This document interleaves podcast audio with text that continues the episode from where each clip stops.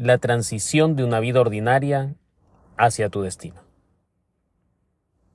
La transición de una vida ordinaria hacia tu destino te hará entender y calmar tu ansiedad por llegar. Para ningún capítulo de tu vida saltar. La transición de una vida ordinaria hacia tu destino te hará entender que tienes que tratar como impostores, a las sombras del miedo y la confidencia, cuyos excesos pueden causarte dolores. La transición de una vida ordinaria hacia tu destino te hará entender que el denominador común en la tierra es el interés, que desencadena en momentos divinos y en desgracias.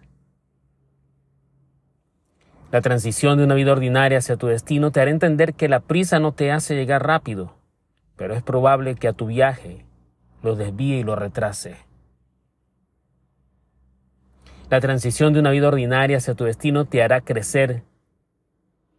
Y también te hará creer que no puedes, pero te guiará a la claridad la cual te llevará a tenerte a ti mismo como confidente de íntimas conversaciones y como confesor de tus secretas confesiones.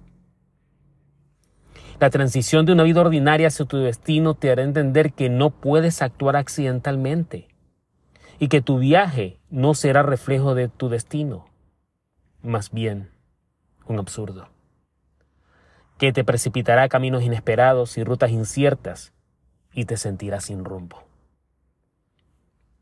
La transición de una vida ordinaria hacia tu destino te hará emprender a enfocarte y ver cuándo es el momento para con tu destino tener un duelo y para nuevos niveles seguir subiendo.